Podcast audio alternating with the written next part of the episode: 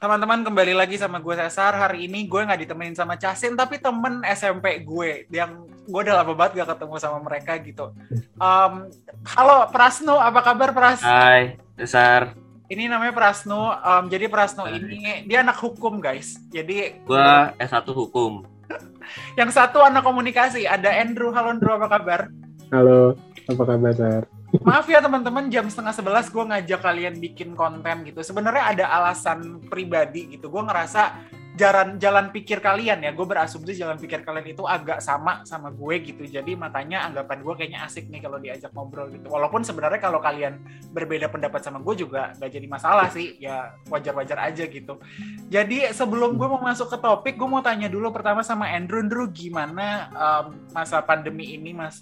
Gimana lo? Bertahan kah apa gimana? Ya bertahan bertahan aja sih gimana jadinya? Um, apa lo uh, apa perubahan yang terjadi selama masa pandemi ini? Perubahannya apa ya?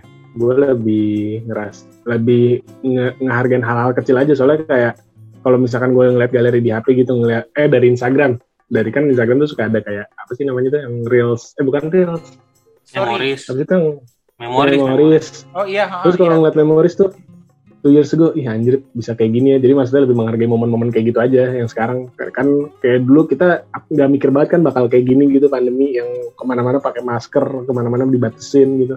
Hmm. Terus kayak ya udah akhirnya untuk sekarang lebih menghargai yang gitu-gitu aja sih. Oke, kalau Prasno gimana cara lo mekanisme pertahanan lo seperti apa nih selama masa pandemi? Tentu Wah. lo juga udah kehilangan banyak hal di masa pandemi ini gitu. Gimana cara ya. lo bertahan? Nggak tahu. Ya kalau sebelum sebelum Juni mah gue biasa aja ya kan kayak ya udahlah. Gue baru kuliah juga baru kuliah lagi juga ketolong. Tapi kemarin Juni akhir kan bokap meninggal jadi gue masih penyesuaian lagi sih ini. Ya hmm. udahlah. Turut berduka ya Pras. Ya thank you. Oke, okay, um, ini uh, mungkin kalian gak nyangka ya tiba-tiba gue ngetek kalian, gue nandain kalian di Twitter bikin podcast yuk gitu. tapi memang gitu dan kenapa malam-malam? Karena guys sebenarnya gue hanya punya waktu memang malam-malam kayak gini gitu. Karena gue sendiri pun artinya penyesuaian gitu. Kerjaan gue tuh makin banyak yang artinya yang biasanya gue di luar yang di luar gue kerjaan banyak justru ketika di rumah itu kerjaan gue tuh numpuk gitu. Dan gue nggak bisa fokus karena gue orang lapangan gitu kan. Dan gue bekerja sebagai humas artinya gue harus sering berkomunikasi sama orang gitu. Bahkan masa-masa um, pandemi ini apalagi yang akhir-akhir ini ya gue tuh sempat depresif loh. Gue sempat burnout yang benar-benar gue nggak bisa berfungsi dengan baik gitu kan karena sesibuk itu gue nggak punya waktu untuk merefleksikan diri gitu. Nah jadi kalau setiap ada orang nanya kabar gue gimana gue selalu jawab masih hidup. Gitu sih. Survive lah ya gitu. Nah, teman-teman, um, gini, jadi gue punya tiga topik yang akan dibahas gitu. Sebenarnya ini gue dulu tuh punya segmen kan, buat seleb idiot gitu kan. Artinya ngebahas tentang figur publik yang apa ya, yang artinya menurut gue kayak kok nggak apa ya mereka memiliki realita yang berbeda gitu sepertinya sama orang-orang kebanyakan gitu kan. Makanya gue ngebahas tentang hal ini gitu. Pertama uh, yang akan gue bahas itu tentang kasus Zara dan Okin. Memang udah lewat gitu tapi menurut gue relevansinya ini kalau kita bahas itu masih sangat cukup gitu. Karena sekarang yang namanya grooming gitu atau atau apa namanya gue nggak tahu bahasa Indonesia grooming itu apa gitu ini marak gitu. Dan sebenarnya kalau dipikir-pikir mungkin sudah kita lakukan juga dari dulu gitu tapi kita tidak menyadari gitu itu satu. Oh Dan, itu itu sebenarnya itu lucu tuh kalau kita nanti ngomongin SMP itu sebenarnya kita banyak teman SMP kita yang udah kayak gitu. Betul gitu. Dan yeah. dan yang dan yang kedua adalah um, ngebahas tentang Keanu yang kena covid. Hmm. gitu kan. Ini sebenarnya lebih ke internet kultur sih ya teman-teman. Tapi tapi gue ngerasa ini cukup mengganggu gue secara pribadi gitu kayak itu calon sarjana kok gimana Uh, uh, yang ibaratnya kayak ya itu nanti kita bahas secara lebih lanjut. Ya dan, dan ketiga ini yang lagi ramai teman-teman. Um, ini kasus hukum nih sebenarnya. Dan untungnya ada Prasno dan ada Andrew di sini yang bisa melihat dari segi keilmuan gitu. Karena gue hanya bisa melihat hmm. dari segi bahasa. Nah um, kasus Kartika Putri sama Dr. Richard Lee. Ini problematik banget ya permasalahan ini gitu. Dan yang tadinya itu gak yang tadinya kita anggap udah selesai ternyata berlanjut gitu. Sampai pada akhirnya um, dokter Richard Lee yang sering mengedukasi kita yang sebenarnya tujuannya baik gitu ya menyelamatkan perempuan Indonesia untuk jangan pakai bahan-bahan yang udah ngeberatin di ongkos tapi ternyata buruk gitu. Tapi ternyata dia Hmm. kena dampak dari edukasi tersebut. Jadi ironi gitu. Dan tentu teman-teman juga gue asumsikan sering ngelihat pop culture yang terjadi di internet ya karena setiap gue buka Twitter gue sering ng- ngelihat cuitan dari kalian gitu jadi asumsi gue teman-teman melihat kasus tersebut oke yang pertama gue akan bahas tentang kasus Zara dan Okin. Mungkin untuk kita cermati ulang untuk teman-teman yang gak tahu kasusnya apa. itu ya gini, secara sederhana Zara ini ada yang cepuin di close friends. Videonya dia di friends itu lagi ciuman, ciuman bibir sama Okin. Dan ramai tentunya kan. Dan kasusnya di sini si Zara yang namanya jadi lebih jelek ketimbang Okin. Lah abis itu Okin kena kasus lagi, gue nggak tahu kasusnya apa ya. Terus abis itu mengucapkan permintaan maaf gitu. Tapi gue mau tanya dulu nih ke Pras. Pras ketika lo ngeliat kasus ini, respons pertama lo tuh apa? Sial Zara tuh. Zara tuh bala. Kasihan punya temen belum masuk close friend cepu. Aduh. Ini tuh lebih karena ini gak sih? Gue ngerasa kayak ya kalau di pandangan gue adalah ya namanya anak yang adult ya, yang baru dewasa muda, yang baru beranjak dari remaja ke dewasa gitu. Jadinya masih punya ini loh mentalitas apa-apa dibagikan gitu nggak sih? Ya wajar lah. Mm, Mengingat- Kalau menurut mengingat dia kan punya status ya. iya, Punya status, punya harta. Wajar lah kalau tingkahnya ada-ada aja mah. iya. Kalau lo ngelihatnya gimana Drew waktu itu pas lo pas lo lihat apa pas lo ngelihat kayak ih apaan sih gitu. Respon pertama lo Hmm, apa? sa- sama sih sebenarnya bener gue sama kayak si Prasno intinya sial aja sebenarnya kan itu kalau kita sendiri kita ngeliat teman-teman kita wajar kan kayak gitu ngepost Iya. paling kita coba ngerasa ih Nora apaan sih gitu kalau ngeliat yang jatuhnya itu PDA kali ya Hmm. Eh, si apa public display affection cuma maksud gue karena dia statusnya eh selebriti dan si cowoknya ini tuh merupakan duda duda kan ya si Iya. Okin tuh Ah. jadi tuh kesannya bakal lebih buruk gitu dilihatnya Iya enggak, Apalagi- masalahnya. Yang bikin lucu adalah si Zara itu kan pernah komen di TikToknya Rahel V-nya waktu itu mereka masih nah iya itu itu lucu banget sih. Ada yang kapan nyari yang ya dan terus Lucu banget tiba-tiba endingnya Itu lucu akhirnya banget. mereka berhubungan tuh kayak ini apa sih? gitu loh. Jadi itu suatu hal yang apa Iya. yang aneh. Terus gimana benar apes ketika, ketika apes dan tuh. tentu kan respons warganet tuh macam-macam ya bro maksudnya Hmm. um, cancel culture gitu atau penghakiman massal ini suatu hal yang nggak lepas di Twitter ya di internet gitu. Yang artinya sebenarnya kan kesalahannya tuh nggak dia tuh nggak ngebunuh orang anjir gitu. Tapi iya. eh, tapi lo ketika lo ngelihat respons masyarakat apa yang dia ada di kepala lo saat itu? Jahat sih netizen menurut gue. Maksud gue eh, terlalu over menanggapi hal-hal yang kayak gitu. Kayak maksudnya mereka lupa juga gitu bahwa sebenarnya si Zahra tuh iya dia masih jatuhnya tuh dia 17 ya? 18, 18. baru banget 18, 18. itu itu sebenarnya kalau untuk secara pemikiran tuh nggak dewasa dewasa banget menurut gue jadi ya wajar sih. Kalau gue menurut gue menganggap itu terlalu over kan. Nah apa netizen itu. Gue liat komentarnya ya Allah sampai dibully-bully kayak gitu.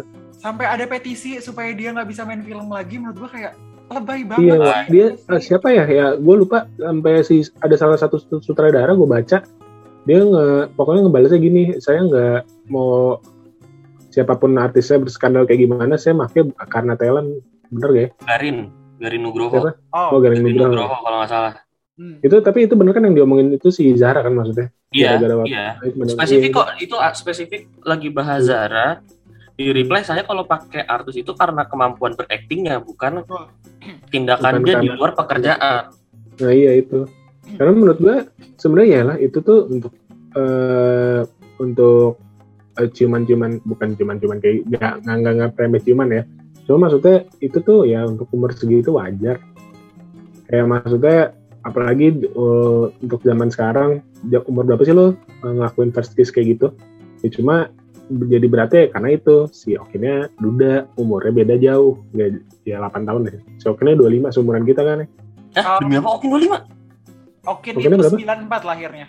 Eh, demi 24, apa? 28 betul gue um, nah, um, lo gimana pras pas ngelihat respons masyarakat gitu lo kayak baik banget sih apa gimana? Ya. Apa lo punya pandangan lain tentang itu?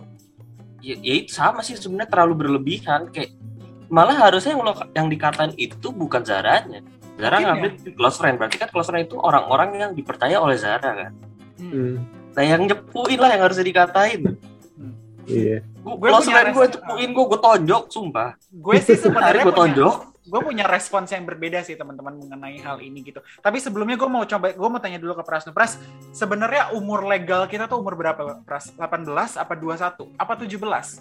kita nggak Karena setahu punya gue kan kalau legal transaction gitu, transaksi legal itu kayak kita punya kartu kredit gitu-gitu kan, atau minum Hmm. gitu. Kita itu berada di umur 21 gitu. 18 itu adalah ketika lo udah bisa masuk penjara. Gue mikirnya kayak gitu. Nah sebenarnya umur legal kita tuh berapa sih? kita nggak punya kita nggak punya legal age apa umur usia orang dianggap legal atau dewasa yang persis kepisah-pisah UU perkawinan an UU perkawinan UU eh, pidana anak itu beda. Pidana anak beda terus perkawinan pidana anak terus adminduk juga beda administrasi kependudukan. Itu beda-beda bahkan kayak yang tadi lo bilang deh yang untuk transaksi itu juga lucu. Kan syaratnya kalau mau transaksi kadang harus punya eh, apa namanya biasanya harus punya rekening. Lo kalau mau punya rekening harus punya KTP dulu berarti lo minimal 17 Hmm. tapi Hmm. aturannya juga beda-beda dan kita nggak punya aturan yang apa ya omni, jatuhnya kayak omnibus juga sih yang mendasari kayak lo mau transaksi apa aja mau lakukan tindakan apa aja usia legalnya apa tuh nggak ada kita masih kepecah-pecah. Jadi ya repot juga mau lihat dari mana dulu Hmm. Nah, sekarang kalau respons gue adalah pertama gini, gue harus mencoba kalau dari segi kultur gitu, kalau dari segi budaya itu Hmm. kan sebenarnya kalau kalian perhatikan kan umur beda jauh itu bukan suatu halangan ya untuk masyarakat kita untuk menikah gitu. Kayaknya baru akhir-akhir eh, kayaknya baru akhir-akhir ini aja setahu gue tentang undang-undang pernikahan yang umurnya itu jadi berubah gitu, ada ketetapan tersendiri gitu kan. Cuma kalau kita tarik sebenarnya ini bukan suatu hal yang mengherankan gitu. Kayak justru apalagi untuk perempuan ya sering kali kan kayak dianggap ah udahlah nanti juga ikut suami. Nah sebenarnya hal-hal seperti ini juga mendasari kenapa banyak juga orang yang udahlah nyari yang muda aja gitu orang dibolehin juga. Itu asumsi gue seperti itu itu satu dan yang kedua terkait Zara gitu tentu gue ngerasa respons masyarakat itu berlebihan gitu ya. Tapi pembela- pembelajaran yang harus dipikirkan oleh Zara adalah ini hal yang udah kejadian dua kali sama dia. Hmm. yang pertama yang mana ya? Yang dia dipegang-pegang oh iya iya iya iya. Instagram. Itu di Iya, Instagram juga gitu. Artinya lo punya dua kasus yang serupa mirip gitu. Dua kasus ya dua kasus yang serupa dan gak beda jauh sebenarnya gitu itu hal yang lo lakukan di media sosial gitu kan. Artinya gini kalau gue kena kasus kayak gitu yang ke- gue berusaha dengan keras yang berdua gue nggak akan coba mengunggah suatu hal yang memang bukan untuk publik gitu. Itu yang, yang ada di kepala gue Hmm. gitu kan. Dan tapi dia memiliki eh, inilah yang menurut gue kenapa menurut gue umur 18 biarpun di sisi lain mungkin sudah dilihat secara legal gitu tapi secara pemikiran itu suatu hal yang masih gampang dibohongi. Artinya nggak stabil mereka tidak bisa berpikiran berpikir jauh gitu masih memiliki mentalitas yang artinya apa-apa dibagikan. Jangankan dia gitu mungkin kita aja juga punya momen yang apa-apa kita bagikan gitu sebagai coping mechanism gitu sebagai mekanisme bertahan kita gitu. Kita cerita di media Hmm. sosial dan lain-lain gitu kan. Nah si Zara masih memiliki mentalitas itu. Yang gue pribadi gue masih mewajarkan gitu. masih mewajarkan umur segitu masih mencari identitas diri dia itu siapa dan lain-lain gitu kan cuman jadi ironi jadi permasalahan adalah udah gitu dia juga terkenal di acting kan yang gara-gara film dua garis biru kan ngerti gak sih? Itu kayak Ya. kayak domino efek ketika terjadi sama dia gitu. Dan yang gue permasalahkan oke kita bicara tentang teman dekat close friend gitu. Tapi kan kita juga tidak bisa apa ya kita juga nggak bisa yakin gitu bahwa orang-orang ini adalah orang-orang yang nggak akan menghakimi kita gitu kita tahu dari Hmm. kita tahu dari mana kalau orang ini beneran close friend gitu. Kan ada juga orang-orang yang memilih teman dekat di Instagram itu hanya dengan asumsi dia nggak akan ngehakimin gue. Dia nggak akan ngejudge gitu. Kita nggak tahu gitu. Kita nggak bisa memastikan hal itu akan nggak terjadi gitu. Dan di sisi itu gue ngelihat makanya harus ada apa ya harus ada perbedaan. Kayak gue misal gue jadikan kalian close friend di Instagram gue tapi gue nggak akan ngunggah gue lagi ciuman atau gue lagi ngapain gitu karena itu bukan menurut gue pribadi itu bukan konsumsi teman-teman gue gitu. Public Ya. dis- kalau public display yang artsy gitu-gitu oke lah fine gitu gue baik-baik aja gitu, gitu. Tapi kan itu suatu hal yang benar-benar intim gitu suatu hal yang mungkin gak bisa gue bagikan gitu. Nah terlepas itu kita lihat dari Okin. Okin ini jauh umurnya. Berapa tahun ya? 8 tahun apa 9 tahun Berarti kalau 18, 8 tahun. Eh, 2, 9 tahun kalau tahun ini lu bilang umurnya. 18 2003 lahir ya Hampir 9 10 hmm, 9 tahun gitu 9 iya hampir tahun 10 Iya kan, gue aja mikir gue mau ngedate sama anak umur 99 aja kadang gue mikir cuy kayak 99 2000 tuh kayak aduh jujur gue pun masih berpikiran seperti itu gitu. ya beda ya tentu, tapi maksud gue gini. Ketika saat itu direkam, Okin adalah yang orang dewasanya. Umur dia itu sudah 27.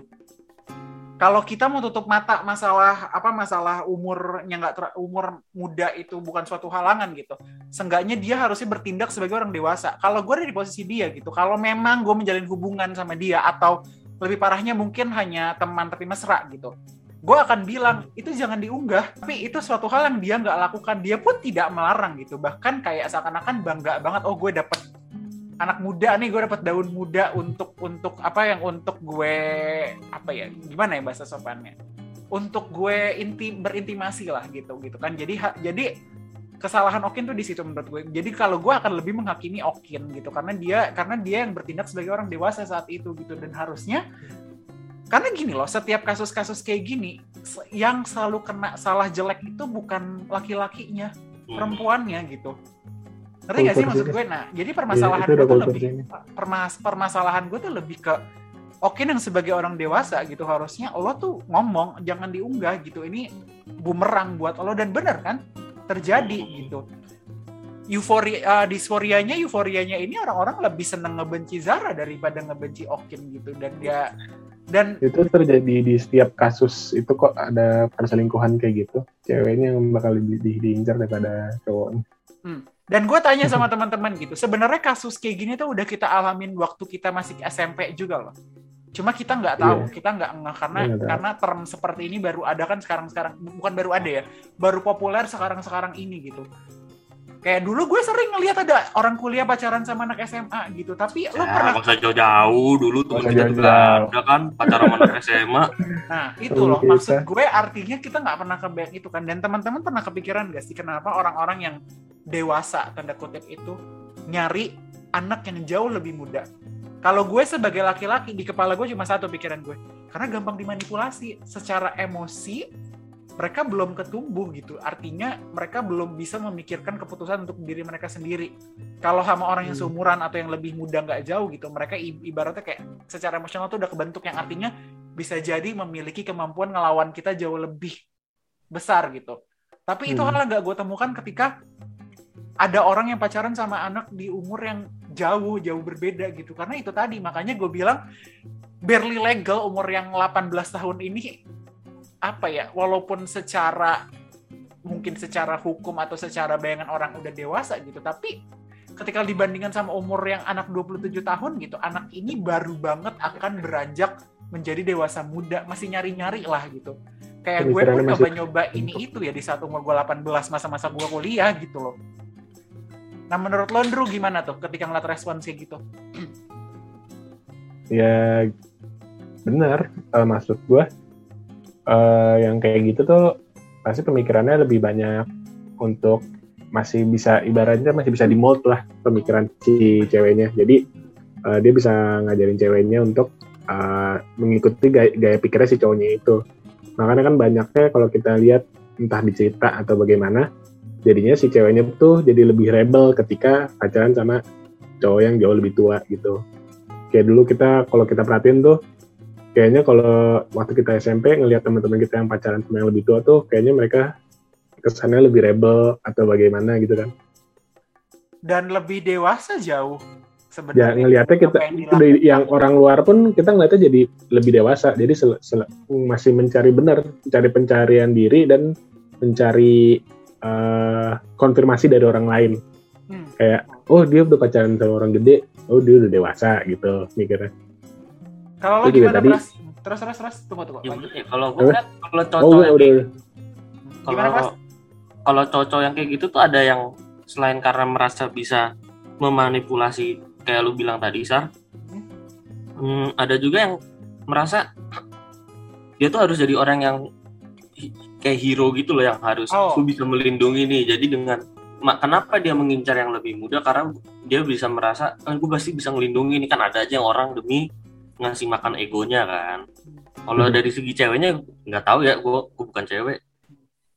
Perspektifnya beda lagi itu. Kadang ego kita sebagai laki-laki itu terlalu lemah deh gue ngerasa. Karena kita Iya, butuh hal seperti lemah. itu untuk divalidasi ya bu ya itu juga tadi yang dari pembahasan lo juga sar. Mungkin kalau misalkan gue ini ya nggak tahu ini wild apa tebakan aja. Kira-kira aja. Jadi misalkan kayak lo bilang tadi eh, dalam posisi si Okin itu lang- eh, harusnya menjadi orang yang lebih dewasa dalam menanggapi ketika Zara lagi ngerekam video itu kan? Mungkin menurut gue mungkin kalau misalkan Okinnya dari kalangan biasa ataupun bukan dia bukan sebutannya influencer atau apalah mungkin dia bakal logikanya bakal jalan eh jangan diupload. Ini kita begini begini begini ini ah, nggak setiap orang bisa nerima pandangan ah, adegan kayak gini. Gitu lah sih adegan bahasanya. Cuma maksudnya karena si Okina ini juga merupakan seorang influencer yang butuh afirmasi konfirmasi dari orang lain. Dan dia akhirnya ngerasa oh yaudah upload aja. Toh bad publication is still good publication kok. Jadi mikirnya gitu ya dan kayak gua- kayak gue ngerasa kayak dia pun sudah menyadari bahwa hal itu lebih berdampak negatif ke Zara sih daripada dia sendiri gitu coba aja lo perhat lo perhatiin komentar-komentar di IG-nya Oken kayak yang cowok-cowok ini nih yang "Ingat, Iya. bro yang gitu-gitu lah kayak Terus ada juga tuh itu ada garis besarnya dari setiap kasus kayak gitu. Dari yang tadi itu dari kita tiga kasus bahas yang bakal kita bahas tuh, Hmm. itu semua akun Instagram komentarnya dimatiin. iya Pembentukan opi- opini banget gak sih? Kayak Mantan yang orang gue lihat media di, susah emang di Twitter itu yang Okin itu yang komentarnya yang temen cowok-cowok influencer yang eh komentarnya yang love love yang apalah bahasa-bahasa menyemangatin terus udah postnya komennya di limit. Komennya ya limited komen ya? Limited comment jadi kayak pilihan aja gitu oh gue hanya setuju Iya. sama orang-orang yang sepakat sama atas pikiran gue gitu gak sih ya namanya lu bukan opini publik iya selain pembentukan opini publik juga bisa jadi untuk pembenaran dia. Kita hidup di zaman sosial media gitu. Hmm. Sosial media kita kan pasti echo chamber kita ya. iya hmm. Kita Hmm. maunya ngelihat dan itu apa yang kita mau doang. oh iya Ya itu kan bisa aja gitu buat nge dia pikir ah gue merasa bisa jadi dia ingin merasa untuk pembenaran diri tapi kan ya kita nggak tahu juga sih. Ya, mungkin juga di yang komen-komen itu di peer pressure kan, eh bro gue ngepost ini tolong langsung di komen Ah, nih. iya betul betul gue gue ngerasa itu yang terjadi orang temen gue yang bukan influen temen gue yang bukan influencer aja suka kayak gitu kan, eh lo vote postingan gue dong kayak gitu. Cuma maksudnya mungkin yang Oh. di kelang- golongan influencer itu lebih peer pressure lebih gede lagi kan. Kayak Iya nanti kalau nggak gue love, gue nggak dapet job lagi dari dia atau gue nanti di dimusuhin sama temen circle dia gitu kan. Kan kita nggak tahu Jatuhnya juga. kayak jatuhnya kayak orang kalau di Twitter ini ya nyari mutualan ya. Kalau nggak di follow back sama di retweetin gitu ya. Iya betul. Jadi musuhin, Bel diomongin. Jadi gue ngerasa kayak ya pada akhirnya kayaknya kita sepakat bahwa ngerasa kasus ini emang agak sedikit terlalu berlebihan ya untuk Iya. Hmm. untuk dibesar Responnya sih. Responnya, respon netizennya. Cuma mungkin Dan cuma mungkin catatan gue adalah ya kenapa kita harus berhati-hati gitu. Gue bahkan bahas kasus ini sama murid-murid gue loh karena di waktu senggang gue kan gue juga ngajar ya. gue sa gue sampaikan ke mereka gitu. Kalian juga harus berhati-hati sama orang yang ngajak ngobrol kalian yang jauh lebih tua daripada kalian gitu. Karena kalian belum bisa mengambil keputusan sendiri gitu. Itu tadi gitu. Artinya manipulasi pikiran tuh masih itu suatu hal yang bisa jadi sering terjadi gitu bukan bisa jadi emang sering terjadi gitu ketika kasusnya adalah minor gitu anak-anak minor atau barely legal ya yang hampir leg yang legal tapi eh, masih masa transisi gitu. Gue sering nyampein itu ke murid-murid gue gitu dan gue gue jelasin kasus ini karena apalagi ke yang cewek-cewek ya gue jelasin bahwa kalau setiap ada kasus masalah seperti ini bahwa nama kalian tuh jauh lebih jelek daripada laki-lakinya. Yang laki-laki Oke. ini mungkin dianggap wah dia jantan banget nih bisa ngeginiin perempuan gitu cuma ya itu yang yang selalu gue sampaikan sih gitu tapi gue sepakat sama kalian ketika ini tuh responsnya terlalu berlebihan gitu orang tuh terlalu bosan kali ya makanya nge-cancel Hmm. orang gitu, menghakimi orang tuh suatu hal yang nikmat Ya. kayak. selama di kita hidup masih ada yang ngomong anak perawan kok jam segini belum pulang nggak bakal kelar Hmm. Betul betul. perawan doang emang anak tuh- kalau laki masih perjaka gue tanya Di Instagram tuh jahat-jahat, tuh jahat. Iya. Komentar. Iya, udah gitu ini apa dan catatan kita mungkin adalah ya hati-hati memilih teman baik di media sosial sih kalau gue lebih ber- kayak gitu. Maksudnya lo nggak bisa menjamin bahwa yang lo taruh di close friends itu beneran close friends lo gitu. Iya. apalagi dengan lo yang punya nama besar gitu. Jadi kayak hati-hati aja lah rasa menurut gue ya me- memang ya eh, artinya kita pun juga tetap harus menjaga diri gitu loh yang jangan sampai gara-gara kita sendiri kecerobohan kita sendiri kita malah kena kasus ini gitu sih Hmm. Ya, Oke. Semoga dia jadi pembelajaran. iya pokoknya apa pun yang di sosial media nggak bakal panjang. hilang Iya.